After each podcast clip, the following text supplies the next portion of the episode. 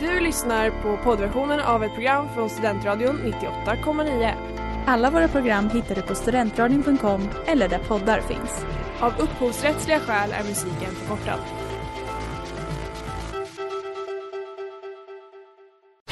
Reklam, reklam. Hej där! Tar du ett sabbatsår? Är du klar med din utbildning i höst? Ta då lite tid för att resa utomlands. Upptäck dig själv med ISEC och arbeta med ett sex veckors volontärprojekt kopplat till hållbarhetsmålen i Afrika. Läs mer på rebrand.ly uppsala 2019.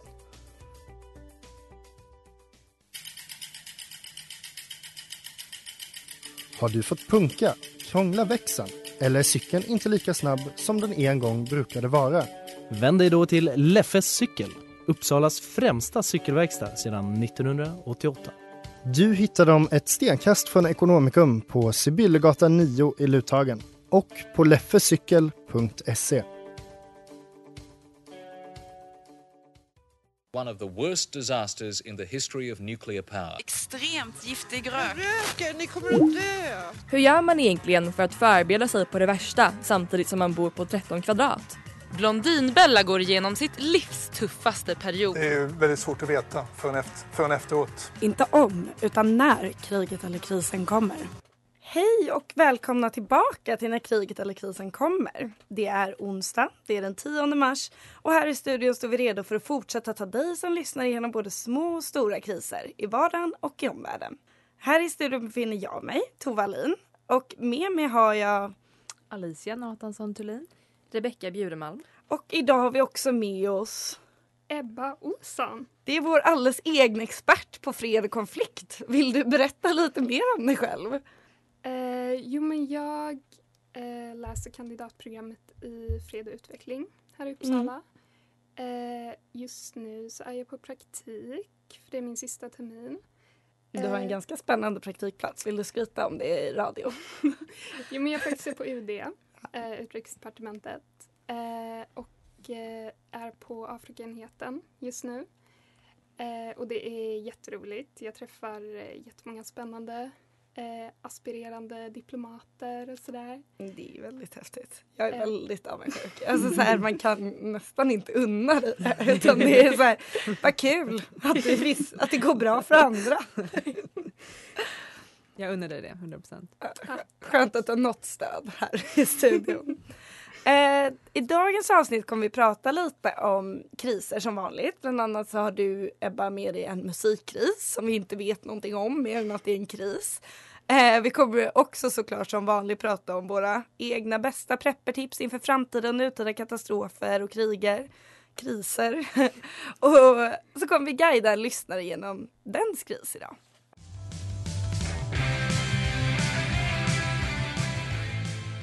Där hörde ni vykort från Amsterdam med Rickard och juvelerna. Ja, och som sagt Ebba så är du med eftersom att du skrev till Rebecka för ungefär en vecka sedan. Mm. Och jag blev så glad över det här meddelandet. Eh, för jag känner att eh, många av oss har säkert musikkriser. Eh, men berätta vad som har hänt dig nu. Eh, nej men det är så här att, hörs jag bra nu tror ni? Yes, ja. vad bra. Eh, nej det är så att jag pratade med en eh, kompis nyligen om eh, det här med musik och musiklyssnande. Och hon berättade att eh, hon har hittat så mycket ny musik nu under pandemin. Mm. För att så här, hon sitter hemma om dagarna, hon bara lyssnar igenom hela Spotify liksom. Och jag blev så himla avundsjuk för att under ett år nu så har jag bara lyssnat på gammal popmusik. Alltså mm. musiken som brukade spelas på nedre dansgolvet på Snärkes. Mm. Har du fått är... åtkomst till deras lista på något sätt?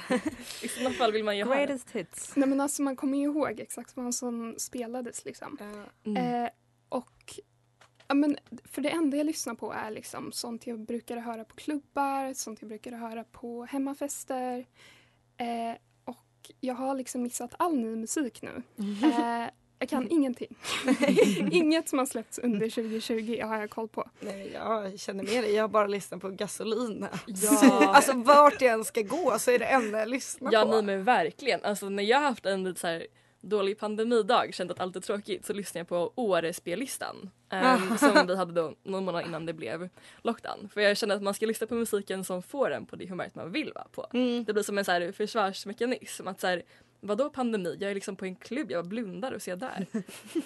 Ja men precis, det är, exakt, det är exakt det jag har gjort. Jag har liksom blundat, jag har drömt mig bort. Jag har tänkt så här, ja men nu, hur skulle jag vara om jag var på klubben nu liksom?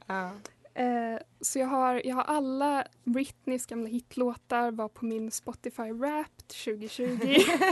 och Britney är, ju, Britney är jättebra. Alltså jag älskar ju Britney. Men det är också väldigt aktuellt 2020 så du är inte Gud, så det är sant. off. Gud ja, det är sant. Det är sant. Men det är så här. Jag har ju absolut, och hon har ju tydligen släppt musik 2020. Va? Ja, jag såg det. Hon har ett album, men det har jag ju inte lyssnat på. Nej. Jag har ju bara lyssnat på Nej, sånt nej, nej. som har spelats på klubben. Inga Eh, undantag. Nej. Nej men så jag har, jag har eh, forskat lite på det här. eh, och eh, då är det så att eh, det finns lite delade meningar på internet Mm. om ifall musiklyssnandet har liksom ökat eller minskat på grund av pandemin. Ja. Mm. Det finns de som argumenterar för alltså så här, artiklar som jag har läst. Källor. Istället för att skriva på min C-uppsats. Eh, Nej, men det finns artiklar som påstår att folk har börjat hitta jättemycket ny musik i och med att, ja, men, som min kompis då, man sitter hemma, man hittar massa ny musik för att man vill ha lite variation. Eh, och sen så har ju folk börjat använda TikTok mycket mer. Där hittar man musik. Eh, men sen så finns det också de som argumenterar för att vi lyssnar på liksom mindre musik i och med att vi till exempel inte åker kollektivtrafik. Vi går inte Mm. på festivaler, vi går inte på konserter. Eh, och det är ju med det jag kan relatera till. Att här, jag har helt misslyckats med mitt musiklyssnande. Jag försökte, jag försökte dejta en jazzmusiker i höstas bara för att liksom... Försökte, det säger mycket om Men då tänkte jag, men då kommer jag börja lyssna på mer liksom, musik. Jag kommer bli in i det. med jazz. Mm. Det är jättemysigt. Liksom Eh, lyssna på alla den personens referenser som att du vet vad, vad de Mm. pratar om och sen så kolla upp alla i efterhand. Åh gud vad jag låtsades. Eller Oj, oj, sitta oj. med Shazam. Och skriva ner alla. Kan Oj, du den här ja, nynna lite på den här låten vi om? Texten? Ja. Åh gud. Ja, nej men så att, eh, nej men så jag var lite nyfiken på hur, hur har ni påverkats liksom, av pandemin när det gäller musiklyssnande? Jag tänker kultur i övrigt. Alltså, Mm. Jag läser mindre. Jag känner jag har börjat kolla om gamla serier snarare än att kolla på nya serier. Alltså jag, jag är lite som dig i musiken, att jag lyssnar i princip på noll ny musik. Jag har verkligen ingen, men det är också Mm. för att jag tar mig typ ingenstans och det är Mm. då jag lyssnar på musik. Verkligen. För om jag är hemma så ser jag på serier. Så jag har ju tyvärr inte samma när det gäller serier för jag har sett, jag har sett allt som finns. Mm. Eh, nu. Vad har varit det bästa? Ja nej men alltså det kan vi inte ens börja gå in Nej, på. det är ett helt avsnitt. ni då, vad har, ni, har ni lyssnat på ny musik eller gammal musik? Alltså jag känner lite som er med det här att man inte lyssnar längre perioder på något sätt för man åker inte buss och tunnelbana typ. Men jag har, alltså som du gör när du lyssnar på Snärkes klubbhits, har jag lyssnat på French Indie slash rock som är en spellista som uppdateras kontinuerligt och är jättebra. Så Gud, jag, jag, tror jag lyssnar på samma. ja, gör det. Ja. Så går jag runt i typ tvättar och föreställer mig själv på en bakgata i Paris. Men jag har Eller på en eh, klubb i Paris. ett tips. En högtid jag har en måndagkvällar då Mm. Discover Weekly kommer ut. Mm. Då lyssnar jag igenom hela den. Ja. Ehm, och sen så lägger jag till kanske några på min lista så känner jag mig lite utforskande i min musiksmak.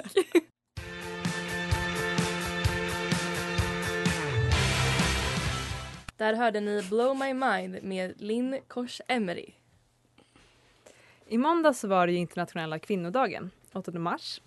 Och det är ju en dag som i vanliga fall brukar vara en av mina favoritdagar.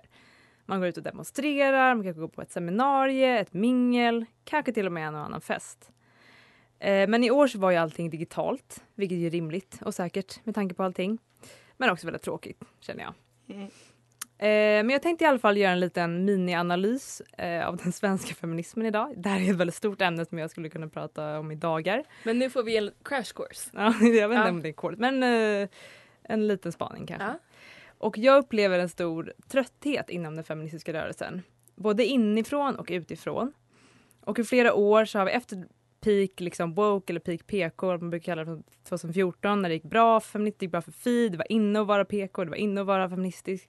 Alla ville säga det så blev det liksom det har gått upp och ner men det känns som att det har blivit en ganska stor trötthet och mycket av det här beror på kommersialismen skulle jag säga. Kommersialiseringen av feminismen, att olika företag har, vinner lätta poänger med att lägga upp en bild på Instagram där det står typ girl power eller skapa en tröja där det står feminist med en femma. Och det här är ganska uttjatat också, eller hur? Ja. Men förutom det så finns det ju en, eller utöver det så finns det ju en debatt eller om man ska kalla det för splittringen om vilka ska, som ska få inkluderas i feminismen. Eh, till exempel så har Cissi Wallin och Kajsa Ekis Ekman kallats för transfober. Eh, och eh, ja, vilka ska få kalla sig feminister och ta störst plats inom feminismen helt enkelt. Och feminismen är en ideologi men den består också av olika rörelser och idébildningar inom ideologin.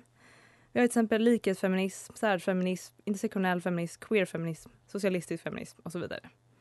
Och jag behöver inte gå in på mina egna tankar kring alla de här olika idébildningarna eh, men jag tänkte fokusera på en del av identitetsdebatten, om det är okej. Eh, för, och jag skulle vilja gå tillbaka till eh, Judith Butler och en bok som heter Gender Trouble som är en av de heligaste texterna inom queerfeminismen. Och eh, för att prata om det här kanske vi alla måste gå med på att kön är ju en social konstruktion mm. och vi vill lösa upp den här alla könsnormer, alla hierarkier och vill uppnå jämlikhet. Det är grundförutsättningar. Ja, liksom. det är mm. grundförutsättningarna.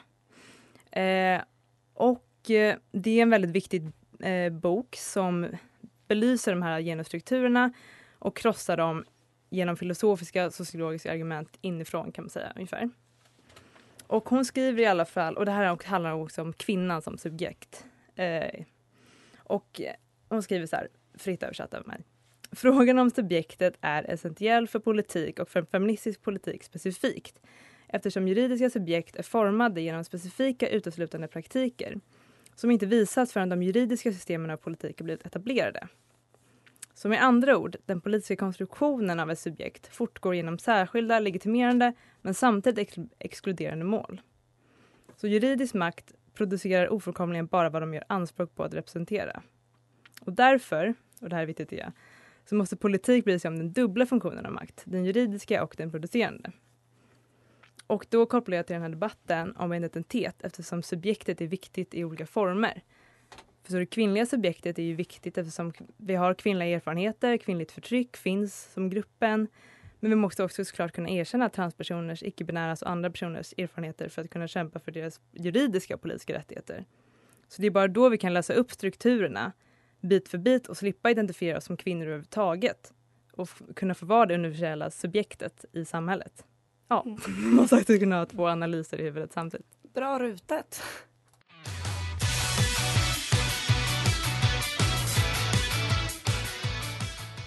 Där hörde ni Get Up med Tribe Friday som också är veckans singel.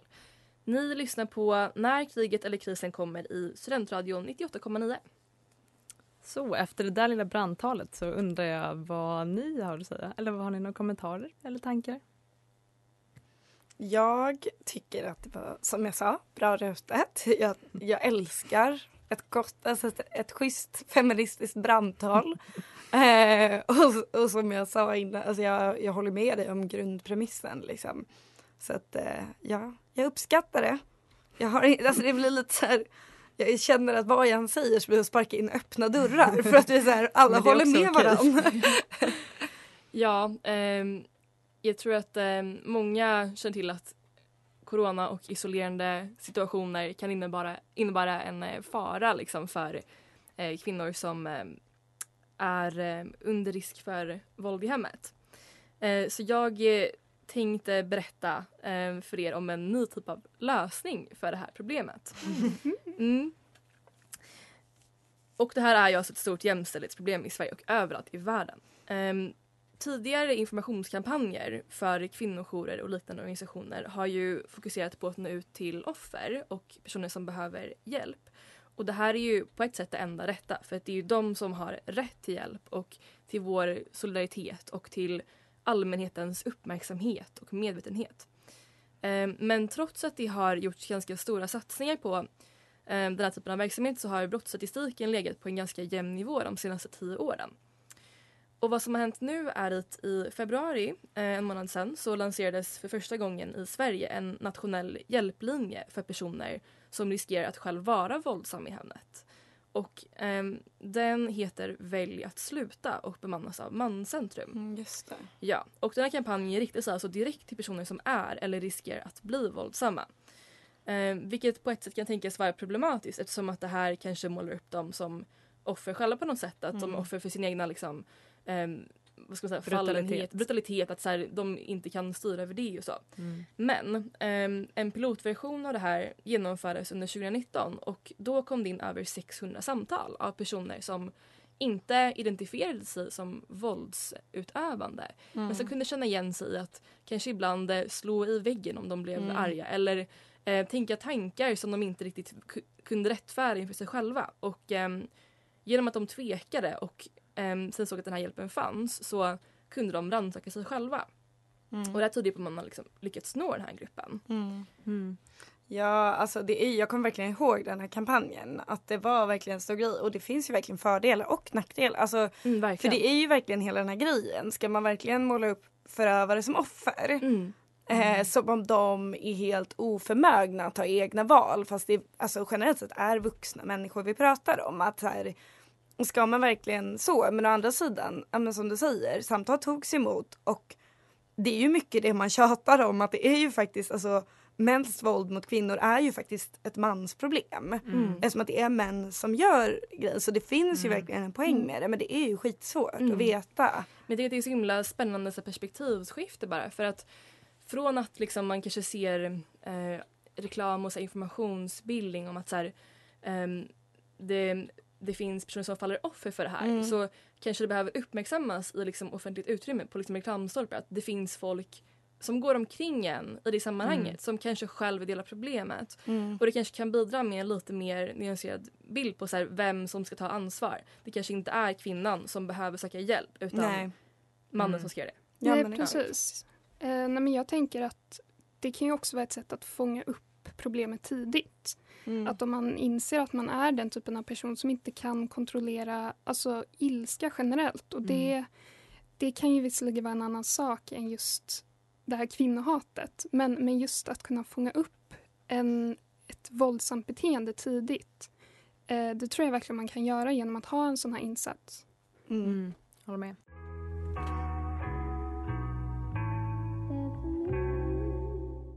Där hade ni Cuts and Bruises med Josie Mann.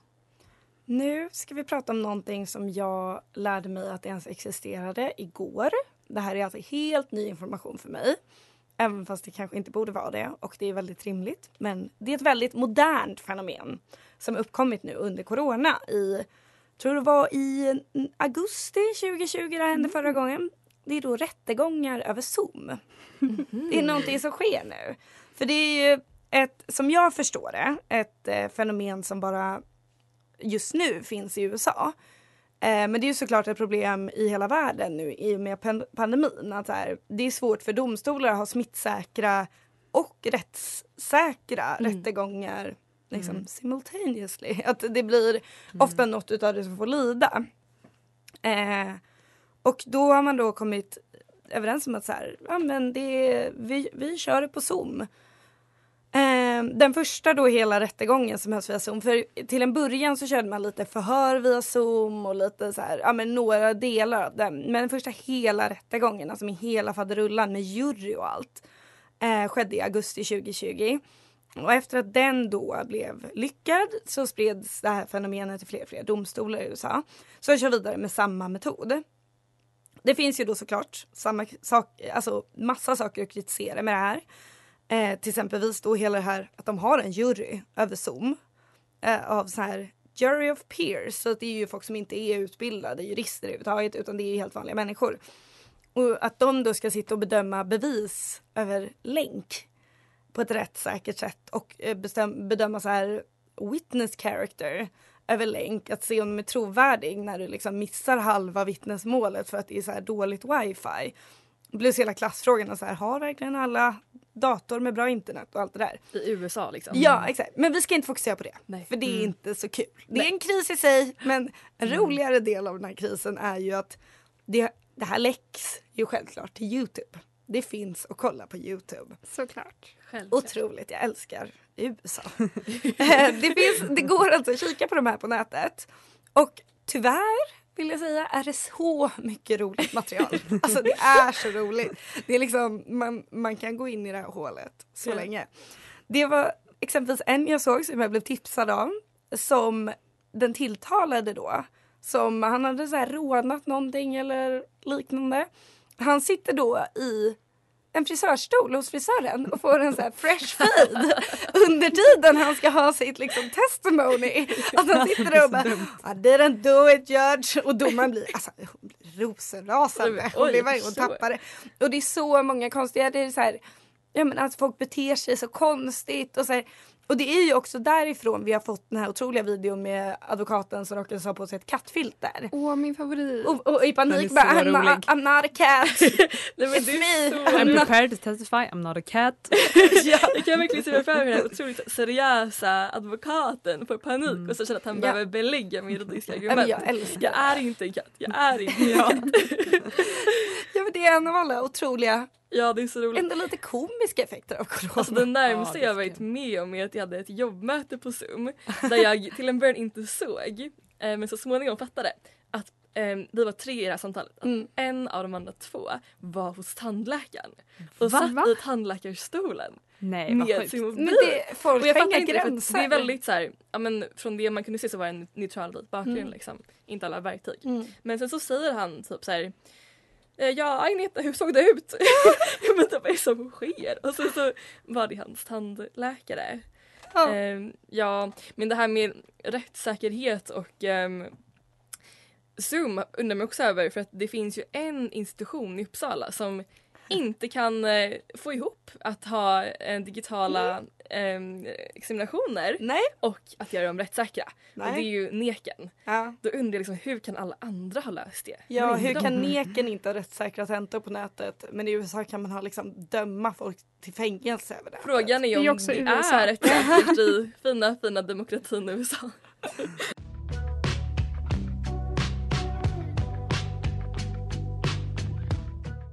Där hörde ni Doubt of Revival med Jordana och Ryan Woods.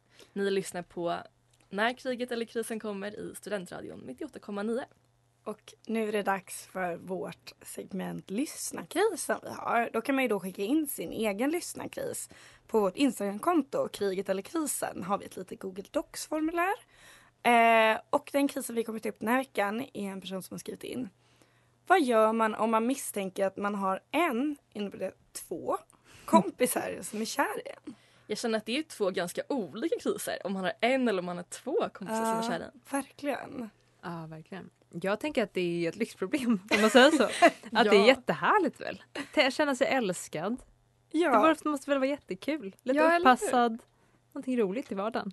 Nej, men jag, tycker, jag tycker personen kan leva kvar i den här känslan. Alltså, Ja. jag hade nog inte gjort så mycket åt det. Jag hade bara, ah, nej de här två personerna är ju clearly kära i mig. eh, och det är bara för att jag är så himla underbar och älskvärd. Liksom. det var så roligt, du sa det här i underlåten när vi pratade. Du bara gud så relaterbart. Alltså jag har inte varit med om det men så relaterbart. Men jag försöker läsa mig in i vad som krisen består av här. Och jag Mm. tänker att det är just det här misstänker. Mm. Att vad gör man om man, Mm, in, om man tror men inte är säker? Ja, det är och det den. kanske blir att allt som tidigare kändes normalt och kul bara är så här tvetydigt och oklart. Så här, flörtar du Ja, precis. eller Att så här- är du bara en god vän? Känner jag mig plötsligt Mm. obekväm liksom, med, en, Mm. med en kompis, det är ju jättejobbigt. Ja. Det kanske är det som Ja. är krisen.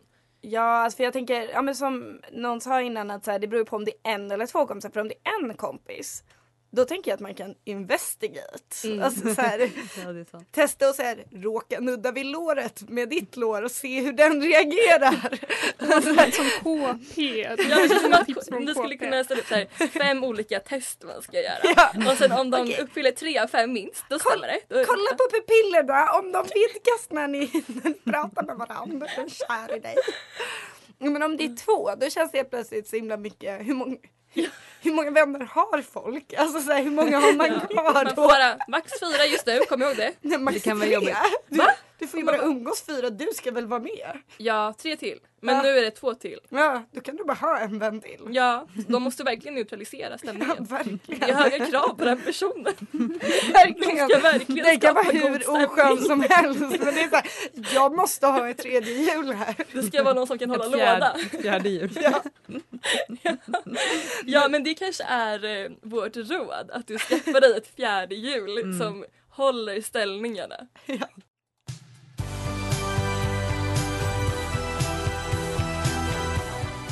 Där hade ni Deja Vu med Recan Chagrin. Och nu har det blivit dags för segmentet Prepper Tips. Och då är jag så himla nyfiken på vad vi ska komma med för råd den här veckan. Vill du börja Tove?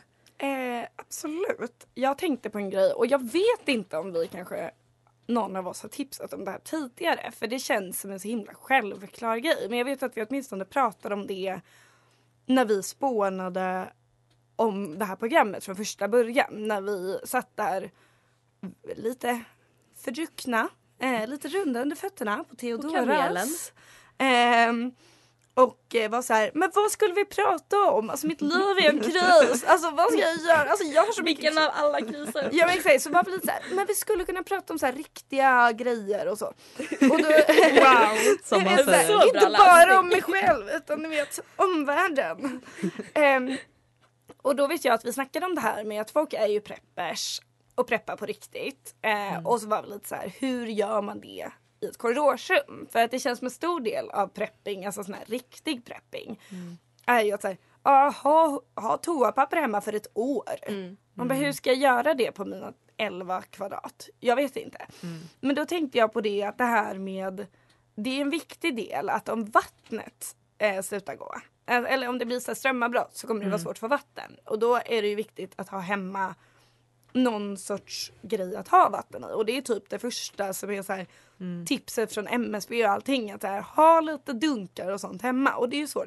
Men då tänker jag alla de här flaskorna man köper hela tiden med Bon Aqua eller liksom sportdryck. Jag vet inte hur vi är med märken. Det här är inte Two types of P3. people. Jag vet Det är inte public service. Jag inser det när jag säger att jag får säga märken. Coca-Cola, Ja, Fanta. Nej men alla de, alltså behåll dem för man har lite skrymslen. Ja. Så, så här, panta dem inte. Utan behåll dem för om krisen kommer. Så mitt preppertips är så här, panta bara burkar. Ja. Eh, behåll alla flaskor för att det kan vara bra om ni behöver liksom samla upp vatten. Ja men superbra. Ehm, Eh, nej, men jag skulle kunna fortsätta på det spåret för att Mm. mitt preppetips hade också med vatten att göra. Faktiskt. Eh, för att jag kommer från skogen, kom Mm. från eh, Smålands skogar.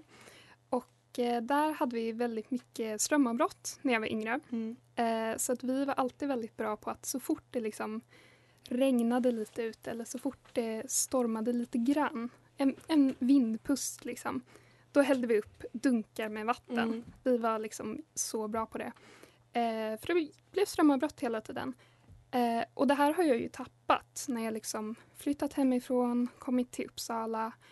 Eh, men jag har kommit på det att det är väldigt bra att alltid försöka ha typ åtminstone så här en flaska vatten i kylskåpet med så kallt, gott vatten som man så byter ut då och då.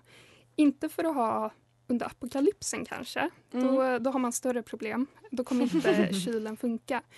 Men eh, för ett tag sedan, eller jag tror det var i höstas någon gång, så eh, blev det helt plötsligt en vattenläcka på Rackaberget. Och jag vaknade upp på morgonen och det fanns inget vatten i kranarna. Allt var avstängt.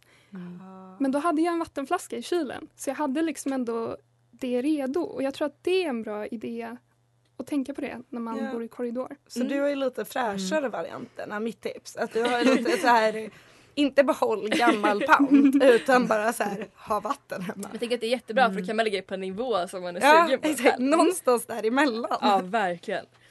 Jag ska inte komplicera alls i mitt preppertips här utan jag vill bara förvarna för stormen Evert som är på väg in.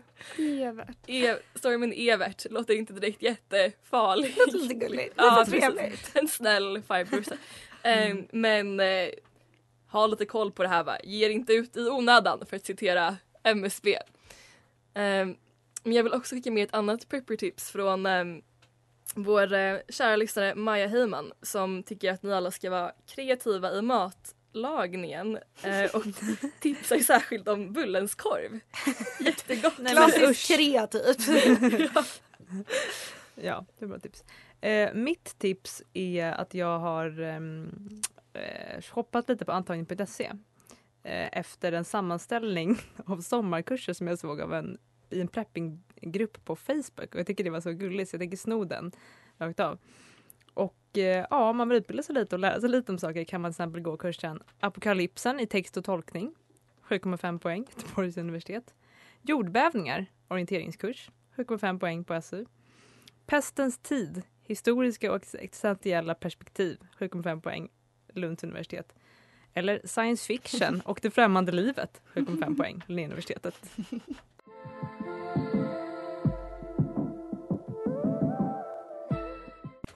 Där hörde ni Obsession med Shura och Rosie Lowe. Ni har då den senaste timmen lyssnat på När kriget eller krisen kommer i Studentradio 98,9 med mig, Tova Lin. Mig, Rebecka Bjuremalm. Mig, Alicia Nattosson Thulin. Och mig, Ebba Olsson. I dagens avsnitt har vi bland annat pratat om musikkriser under pandemin. Vi har pratat om feminism ganska mycket i och med 8 ma mars. Gud, jag höll på att säga maj, det är fel månad. Eh, och om de nya väldigt moderna rättegångarna i USA. Tusen tack till er alla som har lyssnat. Glöm inte bort att fortsätta skicka in era kriser på Instagram där vi heter kriget eller krisen. Hej då! Hej då! One of the worst disasters in the history of nuclear power. Extremt giftig rök. Röken, ni kommer att dö! Hur gör man egentligen för att förbereda sig på det värsta samtidigt som man bor på 13 kvadrat? Blondinbella går igenom sitt livs tuffaste period. Det är väldigt svårt att veta förrän, efter, förrän efteråt. Inte om, utan när kriget eller krisen kommer. Du lyssnar på poddversionen av ett program från Studentradion 98,9. Alla våra program hittar du på studentradion.com eller där poddar finns. Av upphovsrättsliga skäl är musiken förkortad.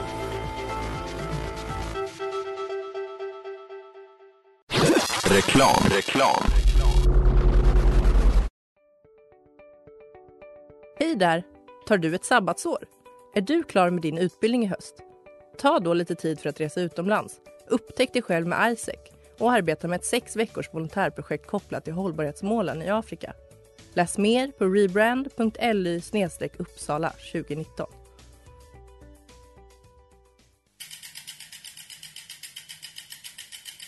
Har du fått punka, krångla växeln eller är cykeln inte lika snabb som den en gång brukade vara? Vänd dig då till Leffes cykel, Uppsalas främsta cykelverkstad sedan 1988. Du hittar dem ett stenkast från Ekonomikum på Sibyllegatan 9 i Luthagen och på leffecykel.se.